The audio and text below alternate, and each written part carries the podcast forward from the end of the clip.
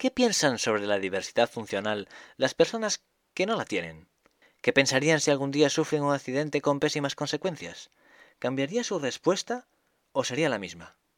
¿Existe discriminación hacia el colectivo con diversidad funcional o los prejuicios son cosa del pasado?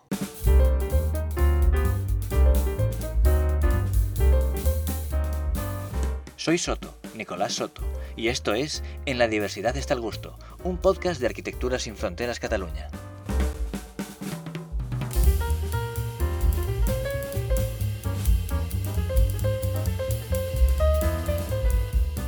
Para el capítulo que escucharéis hoy se ha elegido un perfil de persona muy concreto.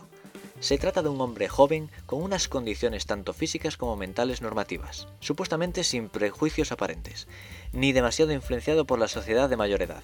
El joven en cuestión nos explicará qué es para él la discapacidad, analizará el momento actual y compartirá con nosotras cómo le afecta la diversidad en su entorno más próximo. Por motivos de privacidad no le identificaremos. Dicho esto, Dentro Audio.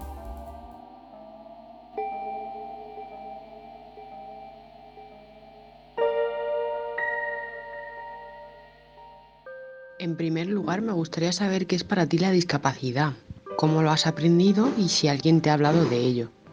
Eh, la discapacidad para mí es una deficiencia que puede ser tanto física como mental, que en cierta parte obstaculiza al que la padece a no poder realizar ciertos trabajos o incluso a ser discriminado por, eso mismo.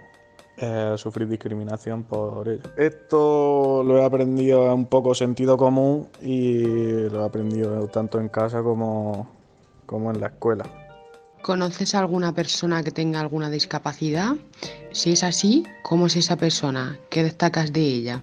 Sí, conozco a, a una persona con, con discapacidades que es prácticamente de mi familia y de ella puedo destacar muchísimas cosas.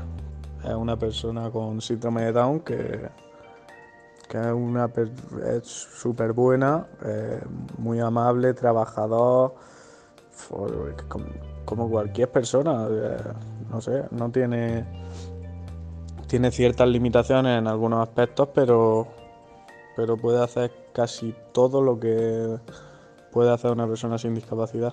¿Cómo crees que es la vida de las personas que tienen discapacidad?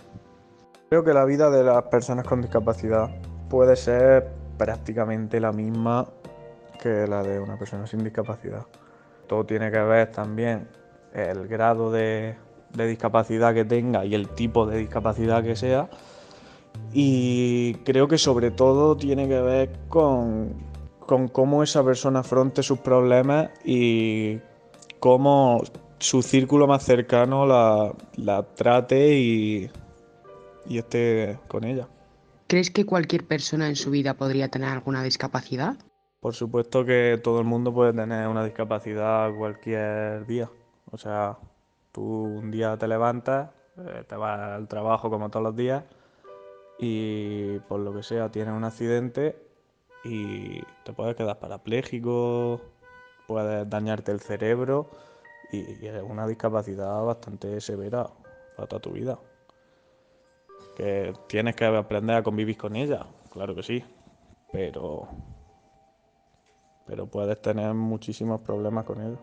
Todas las personas podemos adquirir alguna discapacidad en algún momento debido a alguna enfermedad, accidente o por la edad. ¿Cómo te gustaría que fuese tu vida si tuvieses alguna discapacidad? Yo creo que si a mí alguna vez me pasaran alguna de estas cosas y, tuviera, por lo que sea, una discapacidad, creo que mi vida, creo que me gustaría que fuera bastante parecida a lo que es. No quiero que, que cambie. Hay algunos aspectos que a lo mejor sí tendría que cambiar. Pero creo que lo que mejor me vendría es que mis amigos siguieran tratándome como lo hacen, que mi familia estuviera igual que de atenta que lo están ahora. Y creo que no que tampoco sería bueno para mí que estuvieran demasiado preocupados por mí ni, nada de eso. ¿Te gustaría seguir en la misma escuela a la que vas y tener los mismos amigos? ¿Crees que sería fácil? por supuesto me gustaría seguir yendo al mismo colegio, tener los mismos amigos y creo que eso es lo que querría todo el mundo.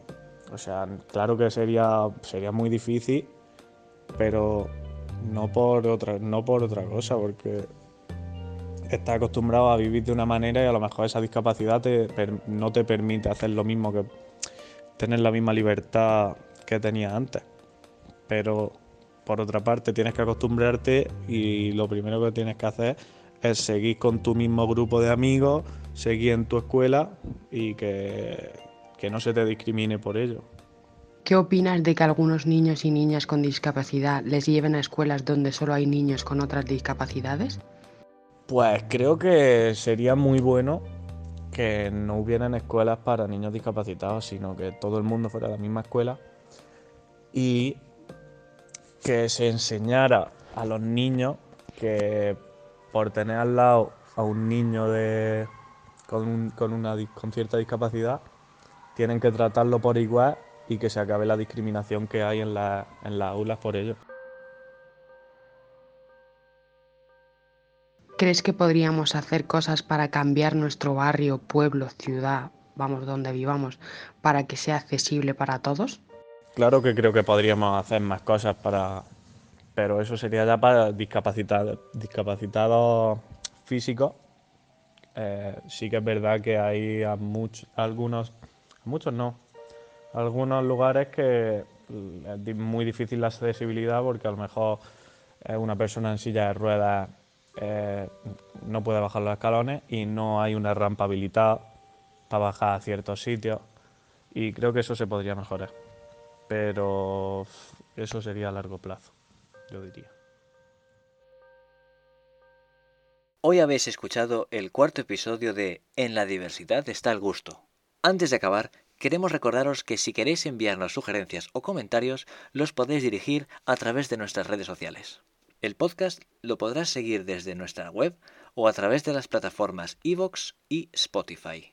Todo esto ha sido posible gracias al trabajo del Voluntariado de Arquitectura Sin Fronteras Cataluña y del alumnado del curso de Accesibilidad y Educación Inclusiva, un reto internacional para la justicia social.